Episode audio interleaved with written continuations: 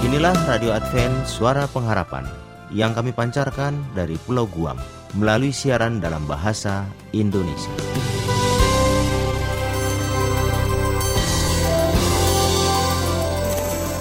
Salam sejahtera kepada saudara pendengar di mana pun Anda berada.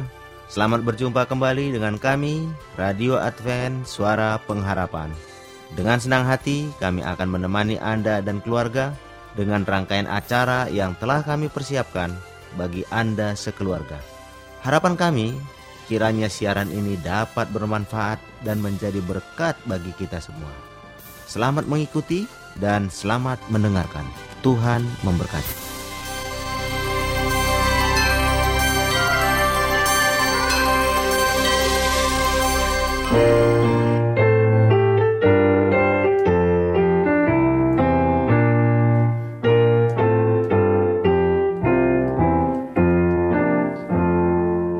Pendengar yang budiman, Anda akan segera mengikuti ruang Alkitab menjawab yang akan disampaikan oleh Pendeta Andri Dembani dan Ayura Joseph Mani.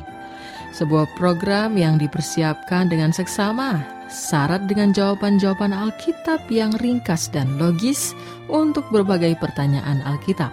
Dari studio kami ucapkan selamat mengikuti. Rumah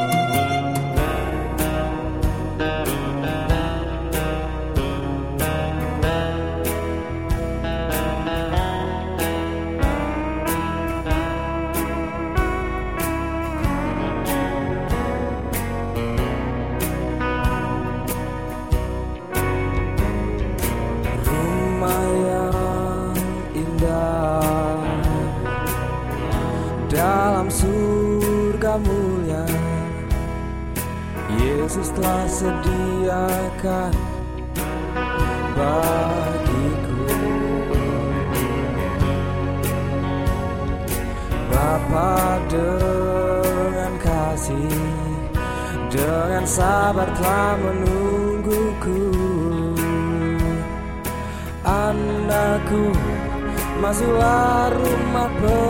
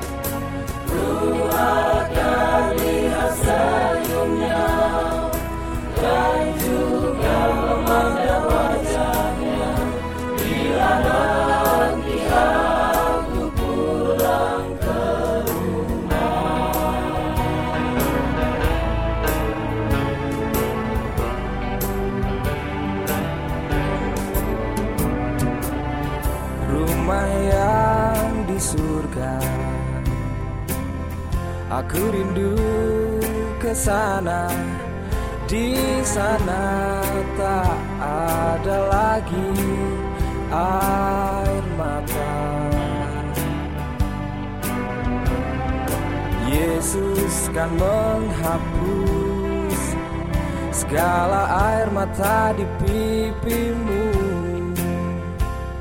Dan Yesus pun dengan senyumnya menunggumu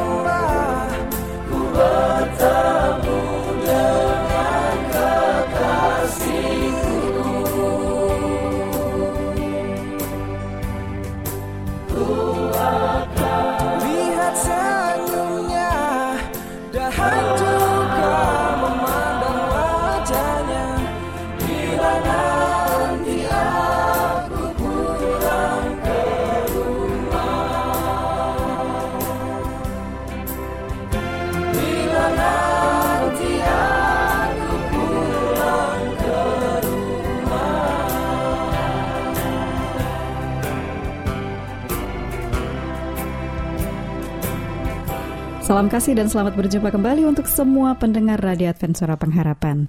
Kita patut mengucap syukur kepada Tuhan untuk semua pemeliharaan yang kita sudah terima ya para pendengar. Dan tentu saja untuk seluruh keluarga Anda juga kami berharap semua ada dalam lindungan Tuhan. Dan kali ini kita akan gunakan waktu yang berharga ini untuk melanjutkan ruang Alkitab menjawab.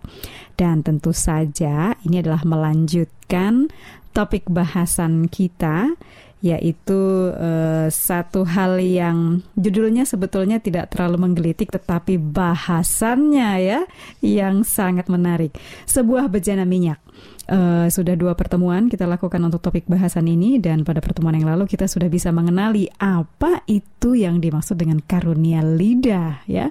Jadi uh, itulah yang kita pelajari yang dimaksudkan oleh Alkitab bukan yang uh, dianggap demikian oleh uh, hanya manusia semata. Baik, pendengar yang kami kasihi, saat ini kita akan lanjutkan bahasan berikutnya. Namun sebelum kita lanjutkan, Pendeta Daimbani sudah bersama dengan kami di studio saat ini. Jadi saya ajak Anda sekalian untuk menyapa beliau terlebih dahulu. Selamat datang kembali pendeta. Terima kasih sudah hadir melayani. Sama-sama Ayura. Jadi bagaimana pendeta kabar untuk hari ini sudah mendekati ujung-ujung tahun nih? Semakin luar biasa, semakin luar biasa. Ayura sendiri bagaimana kabarnya? Wah, ini semangatnya tidak luntur pendeta ya. Tetap semangat terus Wah. sepanjang tahun ya. Karena memang Allah kita tidak berubah juga kan, Betul tetap sekali. luar biasa. Ya. Jadi terima kasih untuk kesediaan Sama-sama. pendeta yang luar biasa terus menerus bersama dengan Radio Advent Suara ya. Pengharapan. Kita ingin juga para pendengar kita yang selalu setia mendengarkan kita juga dalam keadaan apa? Yang selalu semangat ya. Semangat luar biasa. Luar biasa.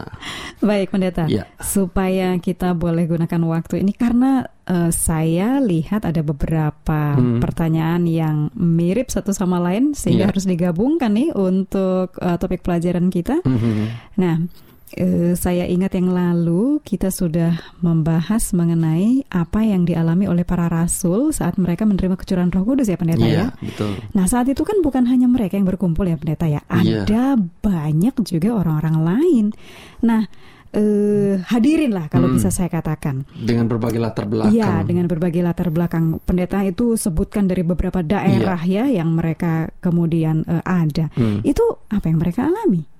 Ah ya, jadi uh, terima kasih Ayura. Ini sebetulnya adalah mungkin masih berhubungan dengan pertanyaan yang sebelumnya ini ya, kalau saya tidak salah mengerti. Jadi uh, yang lalu memang kita belum bahas semuanya, mm -hmm. bagaimana ketika Roh Kudus menguasai para rasul. Nah sekarang uh, tadi pertanyaan Ayura, apa yang uh, terjadi, apa yang mereka alami ya? Mm. Jadi kalau seseorang dikuasai Roh Kudus. Uh, mungkin ada baiknya kalau kita boleh lihat bersama kelanjutan dari cerita itu di dalam kisah 2 ayat yang ke-11. Saya ingin mengajak para pendengar, bila mana Anda memiliki Alkitab di tangan Anda, kita boleh buka bersama dari kisah Rasul pasal 2 ayat yang ke-11. Apa yang disebutkan di sana? Mungkin Ayura boleh bantu saya untuk membaca. Baik, saya akan bacakan untuk kita semua. Baik orang Yahudi maupun penganut agama Yahudi, orang Kreta dan orang Arab, kita mendengar mereka berkata-kata dalam bahasa kita sendiri tentang perbuatan-perbuatan besar yang dilakukan Allah. Nah, ini ini uh, apa ya? Satu penjelasan yang cukup jelas di situ disebutkan ya. Jadi baik orang Yahudi maupun penganut agama Yahudi artinya bukan yang Yahudi keturunan tapi mereka yang converted jadi Yahudi oh, orang Kreta okay. orang Arab jadi mereka mengaku bahwa mereka itu dapat mengerti apa yang disampaikan oleh para rasul di dalam bahasa mereka sendiri ya. hmm. ya itu yang disebutkan ayat tadi jadi hmm. adalah merupakan satu hal yang uh, ya saya boleh katakan dapat disarankan bahwa karunia bahasa lidah ini ya adalah ibarat satu bahasa sorga yang dimengerti hanya oleh Allah atau bagi mereka yang memiliki karunia menafsirkan. Mm -hmm. Nah, di dalam Alkitab sangat jelas ditunjukkan bahwa baik uh, para murid maupun juga uh, mereka yang mendengarkan apa yang dihotbahkan oleh uh, murid ataupun rasul ini bahwa uh, khotbah yang mereka dengarkan itu adalah bahwa pekerjaan Allah itu sungguh sangat luar biasa. Baik. Nah, di dalam Alkitab itu ada tiga contoh dari karunia lidah yang diberikan di dalam Alkitab. Nah, em, ini salah satu contoh yang pertama bagaimana dijelaskan dalam ayat ini secara detail bahwa kami ini yang datang dari Yahudi dan non Yahudi dan dari tempat-tempat yang lain, dari bahkan dari Arab, kami mendengar orang-orang itu berbicara dalam bahasa kami. Ya, jadi ini contoh yang pertama. Eh, masih ada sebetulnya contoh-contoh yang lain karena hanya akan ada tiga saja. Eh, mungkin saya lanjutkan saja ya supaya bisa lebih cepat. Baik, Nah, jadi di itu contoh yang pertama. Ya. Ya, kita akan lihat bagaimana beberapa contoh eh, dua contoh berikutnya supaya kita bisa mendapat gambaran yang jelas dari eh, penjelasan tentang karunia lidah ini. Nah, coba kita lihat dalam peristiwa yang lain di dalam kisah pasal 10 ayat 44 dan juga 46. Kalau Oh, Ayura boleh oke. dapat dan juga pendengar boleh melihatnya dari kisah 10 ayat 44 dan 46 di sana ada juga menjelaskan tentang eh, bahasa lidah ini. Boleh Ayura Oke, bantu jadi ini baca? penjelasan tentang bahasa lidah, tetapi berbeda Peristiwa. peristiwa, begitu ya, pendeta Iya, ya? betul. Baik, saya akan bacakan untuk kita semua. Kisah para Rasul 10 ayat 44, ketika Petrus sedang berkata demikian, turunlah roh kudus ke atas semua orang yang mendengarkan pemberitaan itu. Ayat 46, sebab mereka mendengar orang-orang itu berkata-kata dalam bahasa roh dan memuliakan Allah. Oke. Ada satu kata kunci di sana bahwa mereka itu saling mengerti satu dengan lain. Makanya mereka bisa memuliakan apa? Allah. Saling memuliakan Allah. Kalau mereka tidak mengerti, saya yakin mereka tidak akan mendapat apa pesannya dan mereka mungkin tidak akan memuliakan Allah pada saat itu. Nah, kalau kita lihat Mungkin kebingungan malah ya. Iya, seperti yang disebutkan tadi di dalam kisah uh, 10 ayat 44 dan juga ayat 46 tadi yang Ayura sudah bacakan.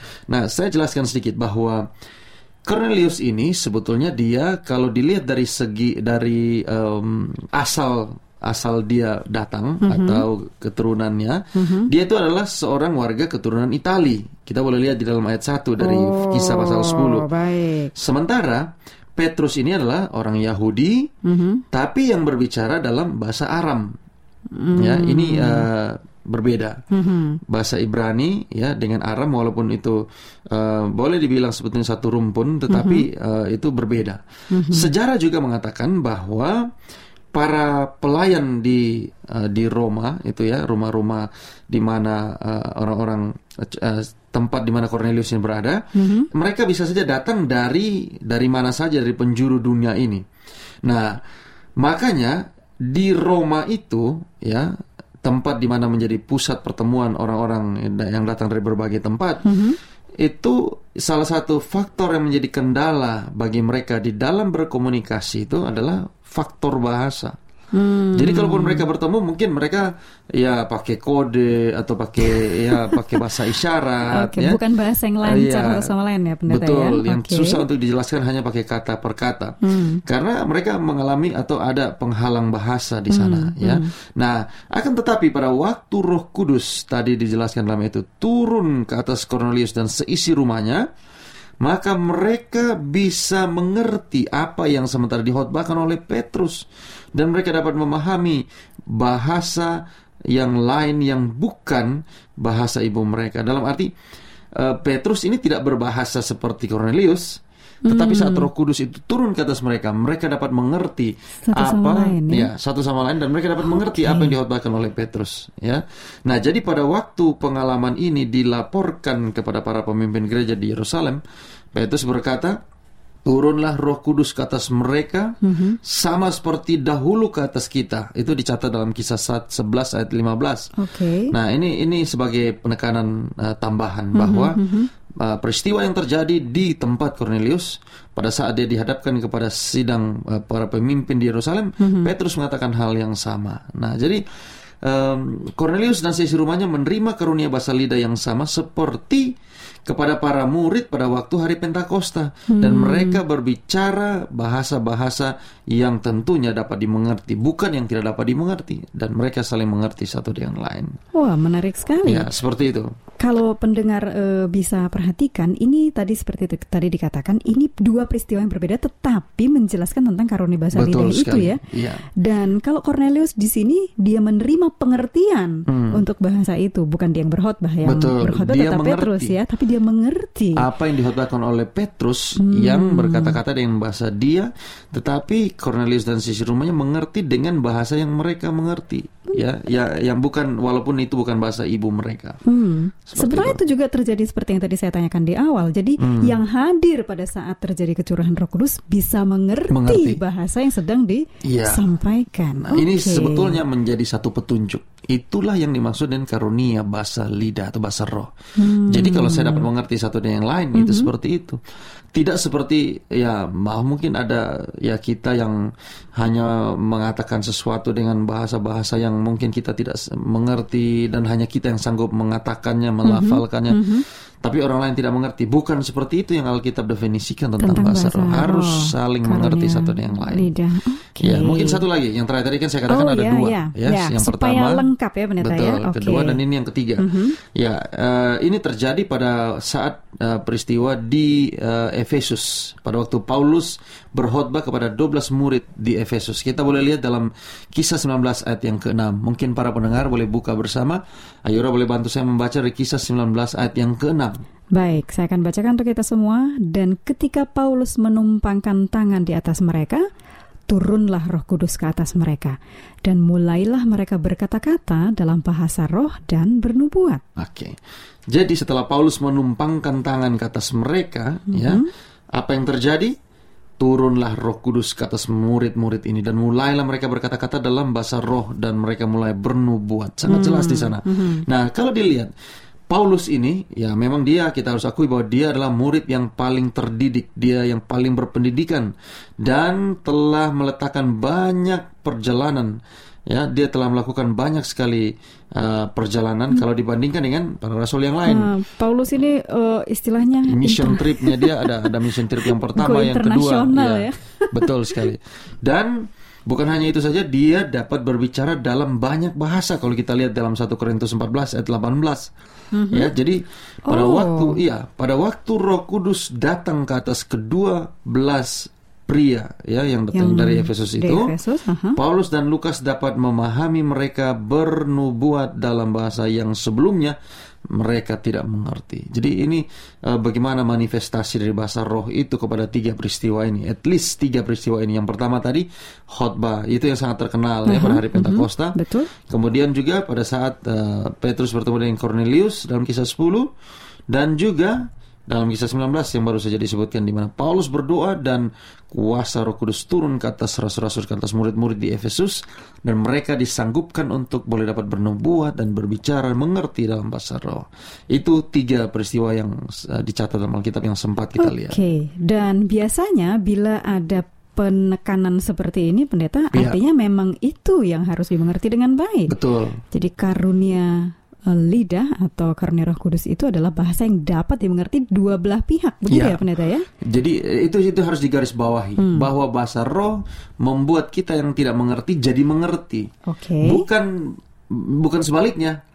Jadi ya, kebingungan. jadi seolah-olah kita saja yang mengerti bahasa itu dan orang lain tidak mengerti dan seperti Ayura sebutkan malah orang jadi bingung dia ngomong atau bahasa nebak-nebak apa. ya? Mungkin ini, mungkin ini. gitu. Iya, bisa seperti itu. Jadi tidak demikian ya. Saya pikir sudah sangat jelas. Sudah sangat jelas. Ya. Oke, eh, ini adalah apa yang disampaikan oleh Alkitab ya para pendengar. Betul, betul sekali. Ya, tetapi pada kenyataannya memang kita bertemu dengan em, eh, manifestasi yang berbeda mungkin pendeta. Jadi eh, bahasa rohnya tapi yang membingungkan. Nah, itu apakah dicatat juga dalam Alkitab atau apa komentar Alkitab tentang hal tersebut? Oke, eh, berhubung waktu kita yang terbatas, saya berikan sedikit saja clue. Nanti kita akan sambung dalam pembahasan selanjutnya. Oh, begitu ya. Boleh Jadi kita ini lihat? cukup Ya, secara cepat dari 1 Korintus pasal 14 ayat 9 dan 19 ya, 9 dan 19. Baik, saya akan bacakan untuk kita semua dari 1 Korintus 14 ayat yang ke-9 lebih dahulu. Demikianlah juga kamu yang berkata-kata dengan bahasa roh. Jika kamu tidak mempergunakan kata-kata yang jelas, bagaimanakah orang dapat mengerti apa yang kamu katakan? Kata-katamu sia-sia saja kamu ucapkan di udara. Ayat yang yang ke-19. ke-19. Tetapi dalam pertemuan jemaat, aku lebih suka mengucapkan lima kata yang dapat dimengerti untuk mengajar orang lain juga daripada beribu-ribu kata dengan bahasa roh. Baik.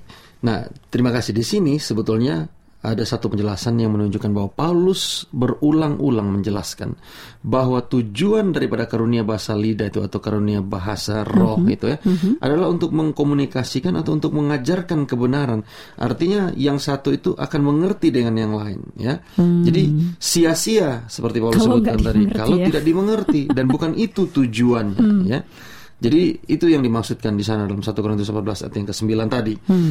Nah, tapi eh, oleh karena waktu kita, mungkin kita akan lanjut pembahasan tentang ini dalam pertemuan kita Baik, selanjutnya. baik, ya. baik, pendeta. Jadi saya mohon maaf juga pendengar, saya ini saking mengikuti alur dari tiga contoh tadi yang pendeta sampaikan kepada kita, saya juga eh, jadi tidak mengangkat banyak pertanyaan yang lainnya. Mohon Ya. maaf.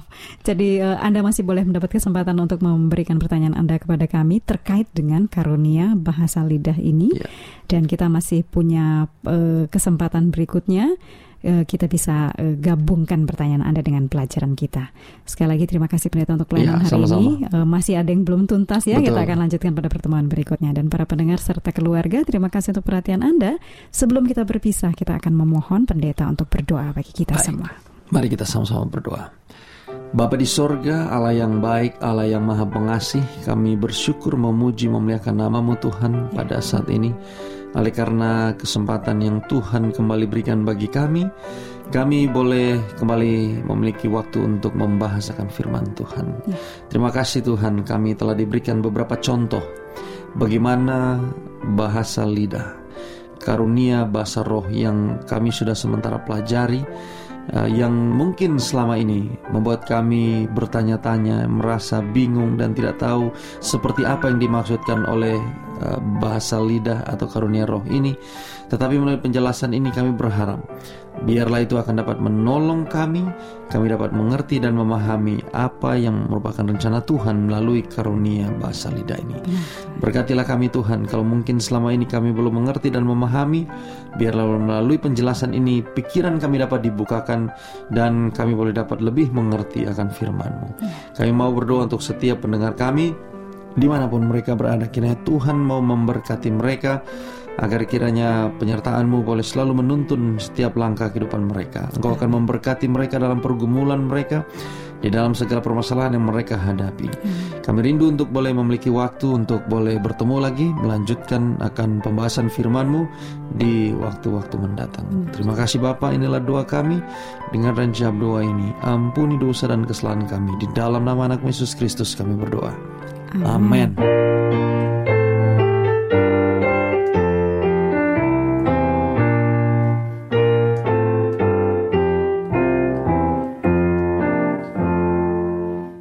Kita baru saja mengikuti ruang tanya jawab Alkitab dan kami berharap juga mendoakan bahwa program ini bukan hanya menjawab pertanyaan, tetapi juga dapat digunakan sebagai pedoman bagi para pencari Tuhan yang sungguh-sungguh.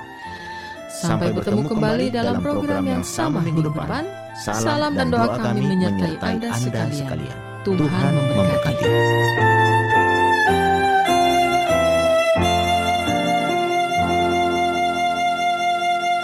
Shalom bagi semua sahabat pendengar.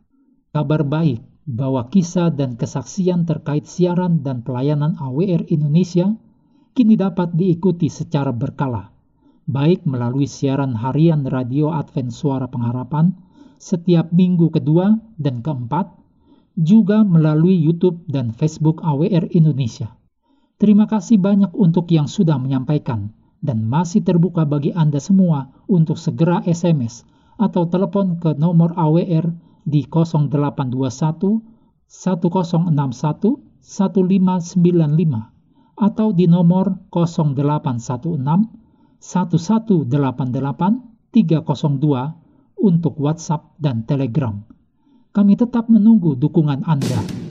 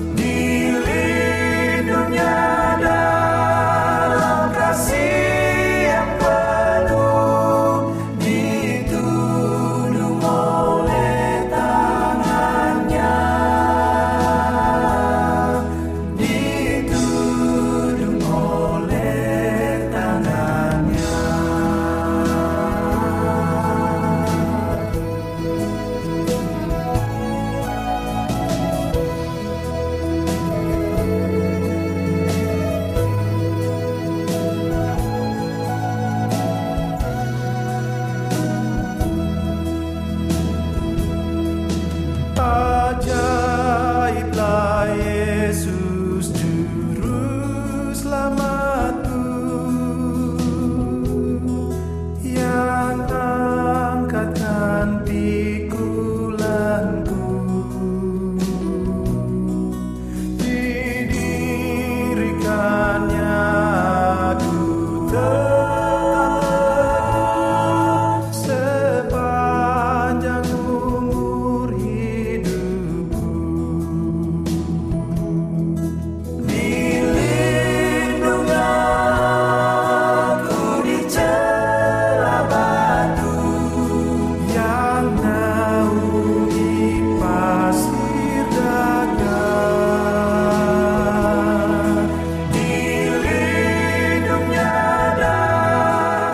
Demikianlah rangkaian acara yang dapat kami persembahkan hari ini. Dan apabila Anda mempunyai pertanyaan atau ingin mendapat pelajaran Alkitab penemuan baru, silakan menghubungi kami.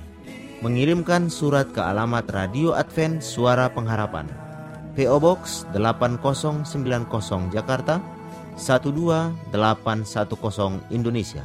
Anda juga dapat menghubungi kami melalui telepon atau SMS di nomor 0821 1061 1595 atau Anda dapat menulis di email kami awrindonesia@yahoo.co.id. Anda juga dapat bergabung di Facebook kami Pendengar Radio Advent Suara Pengharapan atau di Radio Advent Suara Pengharapan. Terima kasih kami ucapkan bagi Anda semua pendengar kami yang setia kita akan berjumpa kembali pada waktu dan gelombang yang sama esok hari. Salam, Salam kasih, dan sejahtera. sejahtera. Kiranya, Kiranya Tuhan Tuhan memberkati, memberkati kita, kita semua.